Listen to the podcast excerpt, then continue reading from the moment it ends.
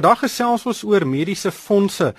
Dis natuurlik 'n baie belangrike onderwerp in Suid-Afrika. Daar's baie winde wat in hierdie uh, bedryf waai. Um, en my gas vandag is Barbara Mandel. Sy's 'n tegniese spesialis by die Instituut vir Finansiële Beplanning of die FPI. Uh, goeiemôre Barbara. Uh, goeiemôre Ryk, goeiemôre luisters. Ons gaan vandag lekker gesels oor mediese fondse en die probleme en die geleenthede en in die uh hekkies in die weet uh, waar wat mense moet weet om die meeste waarde uit hulle fondse te put. So 'n lekker gesprek hê. Luisteraars is welkom om deel te neem. Uh stuur vir my 'n SMS by 45770 daai eikos R1.50 of bel die ateljee die nommer is 011 731 8500. SMS 45770 hy kos R1.50 of stuur vir my uh of bel ons in die ateljee by 011 731 8500. Barbara, ek wil begin by 'n taamlike lang e-pos wat ek verlede week gekry het van 'n luisteraar. Ehm um, en uh, dis van Estie Forster van Middelburg. Nou ek gaan nie die hele e-pos lees nie, hy's heeltemal te lank. Uh, maar dit kom daarop neer dat sy uh, het nou pas afgetree. Sy was vir 35 jaar lank lid van 'n mediese fonds, een van die grootes in Suid-Afrika. Nou sy afgetree En nou sê sy sy kan werklik meer nie meer die premies bekostig nie. Sy sê die premies styg nou al 'n hele paar jaar om met 10% per jaar terwyl terwyl haar pensioen met so wat 4% per jaar styg. Ehm um, en sy sê sy was vir 30 jaar baie gesond en nie een keer in die hospitaal nie, maar nou dat sy dit nodig het, kan sy dit nie meer bekostig nie. Dit is 'n baie baie belangrike onderwerp hierdie word private gesondheidsorg en mediese fondse te duur vir die gewone Suid-Afrikaner. So, ryk as mens kyk na die um inflasiekoers van mediese fondse self, die gemiddelde mediese fonds het laas jaar meer as 10% gestyg. Um as jy kyk na jou laer jou goedkoper planne het hulle 8% gestyg, maar dit is nog dubbel as wat sy nou pensioen kry. Die grootste probleem is mense verstaan nie noodwendig al die verskillende pakkette van mediese fondse en wat hulle kan bekostig en wat hulle nie kan bekostig nie. En dit word vir ons duidelik gestel deur die vrae wat ons ook kry van verbruikers wat sê ek betaal hier mediese fonds maar as ek dokter toe gaan betaal hulle nie my goedjies nie of ek gaan hospitaal toe en daar's nog steeds iets wat ek moet bybetaal want dis bloot oor mense nie verstaan hoe hulle pakkette saamgestel is nie. So wat jy sê is daar is dit is 'n baie ingewikkelde bedryf. Jy weet as jy gaan kyk miskien Discovery het 'n verskeidenheid van produkte en elkeen het sy eie voor en nadele. Um, hoe maar hoe doen jy die die huiswerk? Jy baie keer dan hoor jy nou, weet jy kan nou nie die die bedrag van jou premie met mekaar vergelyk nie want daar's verskillende voordele skale vir elke pakket. Hoe, hoe doen jy daai huiswerk en, en en hoe verstaan jy presies wat is die beste pakket vir jou? Okay. So dit is 'n baie moeilike um oefening vir mense om te doen bloot oor die terminologie wat die mediese fondse ook vir mense gee, verstaan hulle nie. So ons raai gewoonlik aan dat mense wel iemand gaan sien, iemand soos um ons lede wat 'n uh, CFP professionele persone is. Hulle is um hulle het die nodige kennis en ervaring om saam met jou te sit, jou behoeftes te bespreek en dit dan by 'n plan te gaan pas in plaas van om deur al die planne te gaan kyk en wat watter plan by jou inpas. Dis nou jou finansiële raadgewer wat ook na jou uitreë aan die tyd en jou ander aftreebeplanning kyk. Ja. Is daar 'n spesifieke uh opleiding wat daai mense moet hê om hierdie produkte in diepte te verstaan? So hulle moet behoort aan die raad van mediese skemas. Dit is hulle eerste ding. Hulle is ook moet hulle um geregistreer wees vir mediese fonds advies by die finansiële dienste raad. En dan as jy kyk na ons lede, hulle 'n groot gedeelte van ons syllabus dak wel mediese fonds en hoe dak jy jou jou kliënte vir mediese um, fondse. Maar kom ons gaan 'n bietjie terug. Ehm um, en en kyk na wat dit kos om 'n lid van 'n mediese fonds te wees. Vir 'n gesin van 4 mense of so kan dit 'n wesenlike uitgawe van daai huishouding se maandelikse weet se inkomste wees. Ons kan hier praat van noord van R10000 'n maand vir 4 vir, vir, vir 4 mense. Ja, kyk jou jou groter dag tot dag planne ehm um, wat 'n uh, spaarkomponent sowel as 'n risikokomponent het. Kyk jy daar na van hulle wat selfs in ek het al van hulle gesien wat R20000 is vir 'n gesin van 4. Um en dit is jou Rolls Royce. Maar dan kan jy ook gaan kyk na jou goedkoper planne wat nie jou hospitaalplan is. Volgens wetgewing is daar 27 kondisies wat daai plan in elk geval vir jou moet dek. Dit is gewoonlik jou kroniese kondisies, noodgevalle, seker tipe goedjies. Daai plan is ook heelwat goedkoper, maar dan as jy elke keer as jy dokter toe gaan en is nie verband aan een van daai 27 siektes nie, dan gaan jy uit jou sak uit moet betaal. So dis 'n keuse wat mense partykeer moet maak om te kyk, maar is ek werklik so siek? Gaan ek gereeld dokter toe? Nee, miskien moet ek kyk om na die hospitaalplan en watter voordele ek daarop kry.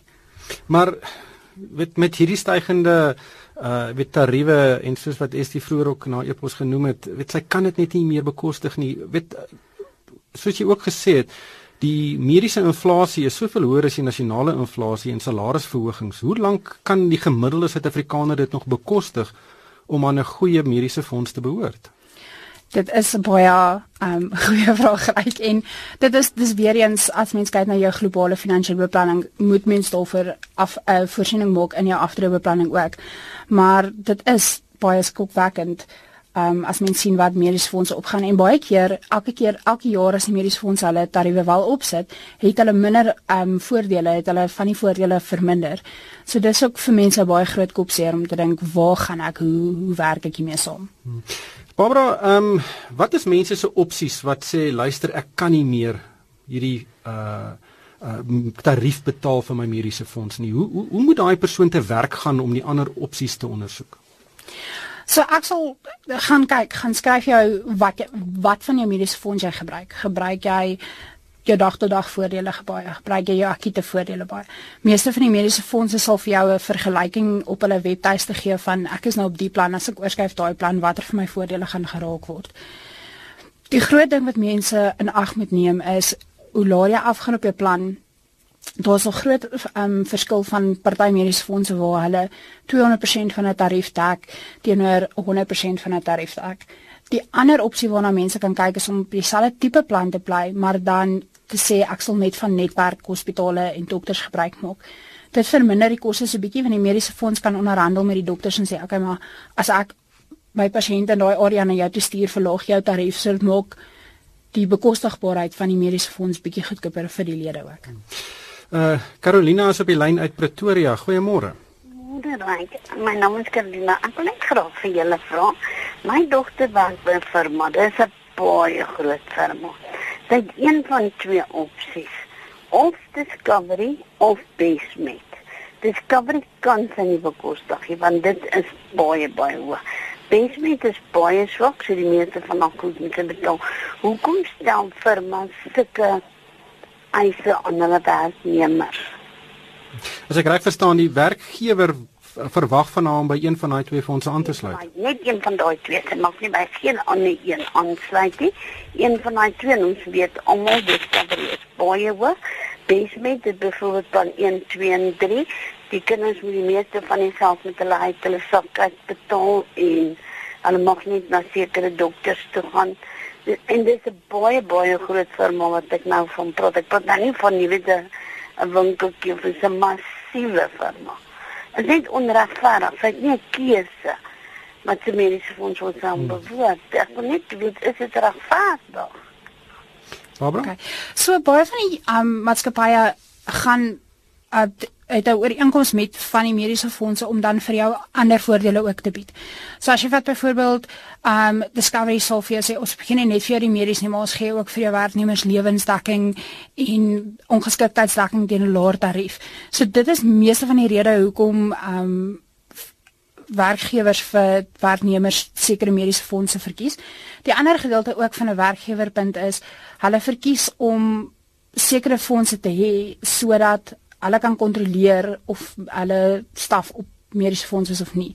En hier die meeste groot rede hoekom meeste van die werkgewers wil hê alle uh, werknemers moet op mediese fondse is, is sodat hulle siek is dat hulle vinniger kan herstel en vinniger by die werk terugkom. Maar is dit regverdig om te sê jy moet uh, Discovery se uh, se plan 1 volg of Bestnet se plan 3 kan kan hulle dit so ehm um, weet uh, benadruk dat jy net daai fondse kan kies soos ek sê dit is deel gewoonlik deel van jou uh conditions of employment om te sê as jy wil werk dit is dit is die opsies wat jy moet wat wat ons vir jou bied jy moet een kies. Hmm. Dis ek natuurlik ook 'n deesdae 'n baie belangrike ding om, om in ag te neem as jy van werk verander. Byvoorbeeld as jy by een uh onderneming werk waar daar 'n geslote fonds is wat beteken dat net die mense van daai onderneming kan aan daai mediese fonds behoort. As jy dan van werk wil verander, dan moet jy ook mediese fonds verander en dan moet jy daai tariewe en voordele met mekaar opweeg.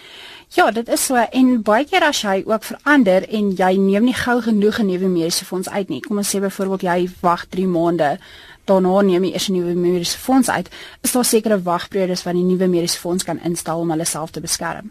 So daar's altyd mens mens moet baie versigtig wees wanneer jy self gewoonweg van mediese fonds afskuif. Maak seker jy verstaan dat daar wagperiodes is. So as ek vinnig net gou-gou die wagperiodes kan verduidelik. Daar's 'n uh, 3 maande algemene wagperiode. Ehm um, so as jy by 'n mediese fonds aansluit, maak nie saak of jy geen breek in dekking gehad het nie of ehm um, jy wel breek in dekking gehad het vir minder as 90 dae, dan kan hulle 3 maande algemene wagperiode ehm um, instap. As jy gaan net geen eise in daai 3 maande uitbetaal nie. So dis nie geen eise nie. Okay. So as jy byvoorbeeld uh wel een van daai 26 voorgeskrewe minimum voordele het. Um kom sê byvoorbeeld asma. As jy dokter toe gaan vir daai asma en jy nie 'n breek van langer as 90 dae in jou mediese fonds gehad het nie, is daai um 3 maande wagperiode jou asma medisyne en daai goedjies moet nog steeds betaal word. Hmm. Okay. Okay, en die ander wagperiode? En dan die ander wagperiode is as jy nou langer as 90 dae nie op 'n mediese fonds was nie, daai um wagperiode van jou voorgeskrewe minimum voordele kan dan geaffekteer word. En dan is daar ook 'n 12 maande wagperiode wat hulle sê dis 'n um kondisie spesifieke wagperiode. So met ander woorde as ek as my het ek was in die vorige vorige jaar nie op mediese fonds nie, nou wil ek aansluit, dis daar 12 maande wagperiode vir enige asma um dekking of sulke goedjies. Hmm. Ek wil gou vinnig gesels oor alternatiewe. Nou almal van ons ken weet 'n mediese fonds waaroor ons nou gesels het, maar nou het jy ook iets wat hulle noem 'n hospitaalplan. Presies wat is wat is dit en hoe verskil dit van 'n mediese fonds? Okay. So daar is 'n bietjie verwarring want mediese meeste mediese fondse het ook 'n hospitaalplan, maar dit is eintlik 'n mediese fonds. Dan kry jy die ander hospitaalplan wat um mediese versekerings is. Dit dek nie jou onkoste, jou mediese onkoste nie. Inteendeel, dit betaal jou 'n bedrag, 'n lomsom bedrag uit afhangende van hoe lank jy in die hospitaal is. Party van hulle het 3 dae wagperiode, so vir die eerste 3 dae word jy nie 'n sent betaal nie, daar daarna word jy byvoorbeeld 10000 rand per dag betaal. Hulle gee nie om wat se dokter wat se hospitaal seker tipe goedjies nie, want hulle betaal die lomsom uit aan jou. Dis jou ehm um, keuse wat jy met jou geld wil doen. Dan is hier ook 'n 'n produk um, wat bemark word as mediese versekering. Um, en daai tariewe lyk baie goedkoop van 417 rand per maand byvoorbeeld kyk ek nou na 'n advertensie van van 'n groep. Ehm um, wat is mediese versekering en hoe verskil dit van 'n mediese fonds? So mediese versekering Um in mediese fondse daar's deesdae baie van hulle wat die die lyn amper as ek wil sê oorskry om te sê hulle gaan nou in 'n mediese fonds rigting in. Maar mediese versekerings is nie gereguleer deur die mediese die wet op mediese skemas nie. Hulle is nie geforseer om te kyk na um jou voordele as uniek jou hospitaal um die voorgeskrewe minimum voordele wat mediese fonds het nie baie van hulle word bemark as dag dagplanne so hulle sê elke keer as jy na een van ons netwerkdokters se gaan sal ons jou betaal maar as jy byvoorbeeld hospitaal toe gaan betaal ons jou net 'n sekere bedrag uit hmm. Ek sien nou die advertensie waarna ek kyk is Affinity Health. Ek ken hulle nie werklik nie. Hoe lank is hulle al aan die gang en weet is dit die moeite werd om na hulle te kyk indien jy nie jou volle fonds kan bekostig nie? So daar is mense wat wat wat die ehm um, wat dit oorweeg en daar is 'n plek vir vir mediese versekerings. Mense kan dit selfs ook gebruik as 'n aanvulling tot jou mediese fonds. So jy kan byvoorbeeld jou hospitaalplan ehm um, hê met 'n mediese versekerings wat jou dag tot dag uitgawes dek of andersom. Ehm um, mense moet daarna gaan kyk in terme van wat is die wat is hulle voorwaardes. Baie van hulle dek jou net vir sekere kondisies. Hulle is nie Hulle hoef jy nie te dak vir die voorgeskrewe minimum voordele kondisies nie. Um baie van hulle kyk ook na jou as persoon, so hulle het 'n onderskrywingsvoorwaardes. Alle oop mediese fondse in Suid-Afrika mag niemand weier om aan te sluit nie. Hulle mag vir jou boetes gee, hulle mag vir jou wagpryse gee, maar hulle mag jou nie weier om aan te sluit nie. Mediese versekerings kan vir jou sê, weet jy, ons het na jou risikoprofiel gaan kyk, ons hou nie van jou nie, ons wil jou nie hê nie. Maar hierdie klink amper vir my soos uh hierdie selfoon tariewe wat ek het nou al my staat al soveel keer bekyk, ek weet nie waarvoor ek betaal nie. So jy sit nou aan die een kant met baie duur mediese fondse, nê, nee, uh en en pakkette, verskillendes by verskillende uh mediese instellings. Dan sit jy met hospitaalplanne wat bietjie verwater is. Hulle betaal net vir A, B en C vir minder goed. En nou ewe skielik sit jy met mediese versekerings wat nou weer nog 'n gat hier probeer toestop en is is daar uh enige reëls wat al hierdie verskaffers van mediese produkte ehm um, reguleer sodat mense daarom op 'n manier weet jy werk met uh, instellings wat uh, geloofwaardig is. So die mediese versekeringskant in die hospitaalplanne moet by die FSB geregistreer wees as finansiële dienste maatskappye. Alle mediese fondse moet by die FSB geregistreer wees as ook by die Raad vir Mediese Dienste. Elke jaar lê die mediese fondse hulle hulle planne voor en sê dit is wat ons beplan om te dek, dis die premies wat ons wil vra. Um en dan die Raad vir Mediese Dienste sê ja, um ons is gelukkig of nie, ons is nie gelukkig nie. Um hulle kyk dan om seker te maak dat die lede van die mediese fonds wel na gekyk word en dat al die voordele in terme van wetgewing um vir hulle betaal word. Hier's 'n hele string SMS'e wat almal baie negatief is teenoor die mediese fondsbedryf en veral individuele mediese skemas. Ehm um, wat is die die die uh, siening van mediese fondse? Weet is dit is dit 10% wat 90% 'n slegte naam gee of is dit 90% wat net die ander 10% 'n slegte naam gee? Ehm um, dis 'n moeilike vraag reg. Ek ek dink baie mense is onder 'n wanindruk van hulle mediese fonds want hulle verstaan nie hoe hulle voordele werk nie. So hulle dink byvoorbeeld, ehm um, ek is op 'n vol medies, ek betaal oor die 10000 rand 'n maand, maar nou gaan ek dokter toe wat meer as mediese fonds tarief vra en ek moet nog steeds inbetaal. En ehm um, sien nou byvoorbeeld een van hulle word gediagnoseer met 'n siekte, dan gaan hulle dokter sê die dokter is nie geplan om die regte kode op te sit nie. Dit kom by die mediese fonds, dit kom van jou spaarrekening af, word dit van jou risikovoordele af moet kom. So dit baie goedjies wat mense nie verstaan. Maar is dit nou billik om te sê mense raak kwaad vir hulle mediese fondse omdat hulle nie hulle eie pakkette ken nie? Is daai pakkette dan nie net bloot eenvoudig heeltemal te ingewikkeld nie? So ongelukkig uh, dit die die natuur daarvan is dit moet um, dit is dis baie voordele wat mediese fonds um aan hulle lede moet kommunikeer. Ek dink daar is wel werk wat gedoen kan word om dit makliker verstaanbaar te maak want ek meen ons lees baie van daai brosjures en dan dink ons ek maar wag, wat sê dit nou eintlik? Um baie van die mediese fondse gee vir jou 'n opsie om hulle planne te vergelyk, maar jy kan dit nie met 'n ander plan vergelyk nie. So dan sit jy met hierdie uitdruk van 'n 40 bladsy dokument wat jy nou moet saam deurgaan en kyk okay maar watter een verskil waar en watter voordeel verskil waar. So ja, ek dink daar is bietjie werk wat gedoen kan word om mediese fonds voordele kan te standaardiseer. Hmm. Luisteraars is welkom om die ateljee te bel. Die nommer is 011 731 8500 011 731 8500. Barbara, baie mense besef nie presies waarvoor hulle betaal nie. Dis nou die onderwerp van ons gesprek nou. Hulle verstaan nie hulle produkte nie, maar wat is die grootste fout wat mense maak? Ehm um, wat kan dit kan dit jou geld kos as jy nie jou produk verstaan nie? Ja, en uh, reg dit kan definitief. Baie van die mense sal byvoorbeeld ehm um, hulle gaan nooit dokter toe nie. Ehm um, hulle het hier en daar 'n siekplan, maar in geval ek baie siek word hierdie jaar gaan hulle op die beste moontlike plan al sukkel om dit te bekostig. As mense verstaan, so as jy na 'n uh, mediese fonds kyk, het hy basies 3 lae. Jou eerste laag is jou hospitaaldekking. So in 'n noodgeval en vir meeste van die ander, sodra jy opgeneem word in die hospitaal, moet hulle betaal. Maar dan kyk jy nou weer na moet ek na 'n netwerkdokter te gaan? Wat is 'n netwerkdokter? Um een van die mediese fondse het baie oulik met 'n uh, stiekertjie vorendag gekom wat sê as jy nou hierdie hospitaal toe gaan op my ons webwerf gee ons vir jou waarborg dat ons 100% van jou jou rekening sal betaal. So dis basies net keuses wat mense moet maak om te sien okay maar as ek na daai hospitaal gaan in plaas van daai hospitaal sal ek beter dekking daar kry van my mediese fondse gedeelte af. Hmm. En dieselfde met hulle dokters en hulle netwerk van spesialiste. Ons het vir Fransis op die lyn uh, goeiemôre. Fransis? Ja, goeiedag. Goeiemôre, vra gerus jou vraag. Goed, ehm um, ek wil nou 'n stukkie lank verduideliking. My ma is 91. Ek wil nou voorbegin en ek betaal vir haar aan mediese fonds reeds 15 jaar. Dit het geweldig gestyg soos almal weet per jaar.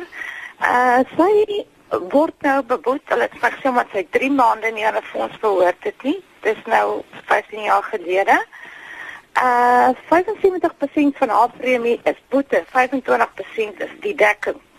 Maar ehm um, sy en my pa, hy was 'n mynwerker, het aan Anglo American se mediese fonds behoort. Hulle was verplig soos alle mynwerkers maar was. En dan ons kinders was gedek en dis uh, en so aan. En so voort. Maar nou voel ek is baie onbillik van hulle dat hulle nie na 15 jaar vra die boete kan kwytskel nie. En dit is 'n groot mediese fonds is Medihelp. Ek sien die naam in klaar. En ek het met verskeie uh uh mense gepraat daaroor. Ek het uh hulle wys my net weg. Ek het dit skriftelik gedoen. En uh Ons ons sê die vraag, ons sê die vraag, daai baie dankie. Daai boetes is 'n baie groot uh weer, rede hoekom baie mense ongelukkig is. Verduidelik net gou vinnig, wat is daai boetes en en en uh, wat kan sy wat kan Fransis hier aan hieraan doen? Okay, so die boetes word ingestel as jy vir 35 jaar ehm um, nie mediese fondsdekking gehad het nie, begin hulle by die boetes by 25%. So hulle gaan kyk sê nou maar so haar ma is 91. So as haar ma byvoorbeeld net dekking gehad het tot 50, het sy 41 jaar wat sy nie mediese dekking gehad het nie. Dan sal sy hele formule wat hulle dit uitwerk, maar dit begin basies tot 25% en dit gaan tot 100%. So as jou uh, premie R100 was, dan uh, gaan jy R125 betaal en daai R25 is dan 'n boete wat jy dan elke maand betaal. Ja. So jy gaan dit betaal lewenslank. Um die groot rede daarvoor is is om die mediese fondse te beskerm en mense maak sekere keuses dan sê hulle um ek gaan nie nou op mediese fonds wees nie dan gebeur iets en dan gaan hulle ewe skielik op mediese fonds. Is daar iets wat Fransis kan doen om dit te betwis? Okay. Um die feit dat hulle vir jou sê dis net oor sy 3 maande nie op mediese fonds was net hulle 'n boete gehef is daar wel vir my 'n rede van kommer want soos ek sê jy moet langer as 35 jaar nie op 'n mediese fonds gewees het of jou jou totale som van jou dekking moet meer as 5 uh, 35 jaar wees. So as hy welklagtes by die mediese fonds klaar ingedien het en hulle het nie gehelp nie, kan sy die raad van mediese dienste um nader. Okay, ek gaan aan die einde van die program sal ek jou kontak besonderhede uitgee dan kan sy jou kontak. Ons het verloot op die lyn uit benou nie. Uh goeiemôre. Goeiemôre Ryk. Ehm um, ek wil net graag aan jou gaste 'n vraag vra en dit is ehm um, of sy die term spoliasie ken en of sy bewus is daarvan dat mediese fondse uh hulle self skuldig maak aan uh aan hierdie oortreding. Wat is die term? Spoliasie. Spoliasie. Ja, dit is waar hulle gelde met mense neem en hulle uh, dit is eintlik onregmatig. Soos uh, hulle onttrek geld sê maar uit 'n persoon se se se uh, rekening uit en hulle het nie magtiging daarvoor nie. Hmm. Wat is die reg, regte van van 'n mediese fonds? Kan hulle behalwe 'n debietorder geld uit jou rekening vat? So, daar is twee redes waar uh, of drie redes waar mediese fonds geld uit jou rekening wel kan vat. Die eerste een is is vir jou maandelikse bydraes. Die tweede een is as hulle eis betaal het um, aan jou dokter wat hulle na die tyd besef maar eintlik moes jy 'n gedeelte, maar dit moet ooreengekom word met jou. Die laaste um opsie is waar mense um hulle behoort aan die mediese fonds met 'n spaarrekening vir die eerste gedeelte van jou jaar. Nou jou spaarrekening word gesê, okay, jou by jou uh, spaarbydraes uh, sê byvoorbeeld R500 'n maand ons mol dit met 12 en ons gee dit vir jou in die begin van die jaar. Nou baie mense verwissel dan van mediese fonds en dan skuld hulle die mediese fonds vir daai gedeelte van die jaar wat hulle nie het nie, maar weer eens moet dit ooreengekom word met jou oor hoe die betaling terugbetaling van daai geld dan aan die mediese fonds gaan werk. Is hier 'n verskeie um SMS'e wat vra oor die gapingsdekking, die gap cover. Dit is natuurlik die bedrag wat verskil tussen wat die mediese fonds die hospitaal betaal en wat die rekening is wat die wat die lid kry. Ja, moet jy baie keer inbetaal. Presies, hoe werk dit en en wat kos dit? So daar is gapingsdekking. Dit is bietjie goedkoper as om um sê jy kyk gewoonlik van so R150 'n maand wat hulle dan sê, okay, die mediese fonds betaal 100%, ons kan dit vir jou opskuif na 500% toe en dan is daar ander uh gedeeltes wat hulle betaal. Uh groepingsdekking gaan hand aan hand met mediese fonds juis oor ons uh mediese fondse so duur geword het. Die groot gedeelte um wat mense wel moet weet van daar's 'n ongeluk um onlangs um wetgewing deurgesit wat sê die die daar's 'n limiet op die voordele wat 'n uh, groepingsdekking vir jou kan gee. So hulle mag 'n minimum van 'n maksimum van 150 000 se dekking vir die um lede gee. Ongelukkig hierdie tyd ons ingehaal ek sien die uh, ligte het geflits vir mense wat wil inbel en 'n hele klomp SMS'e wat deurgekom het. Ons sal verseker weer oor hierdie onderwerp gesels. Maar Barbara vinnig, wat is jou uh, kontakbesonderhede indien iemand direk met jou wil gesels? OK, so hulle kan my skakel op 011 470 6106 of hulle kan vir ons 'n e-pos stuur by technical, so dis ja, uh, Engels vir tegnies, technical@fpi.co.za. Maar Barbara baie dankie vir jou tyd en moeite en uh en alles sterkte met die pad vorentoe. Baie dankie Ryk. En daarmee groet die manne met span. Dankie vir die saamluister.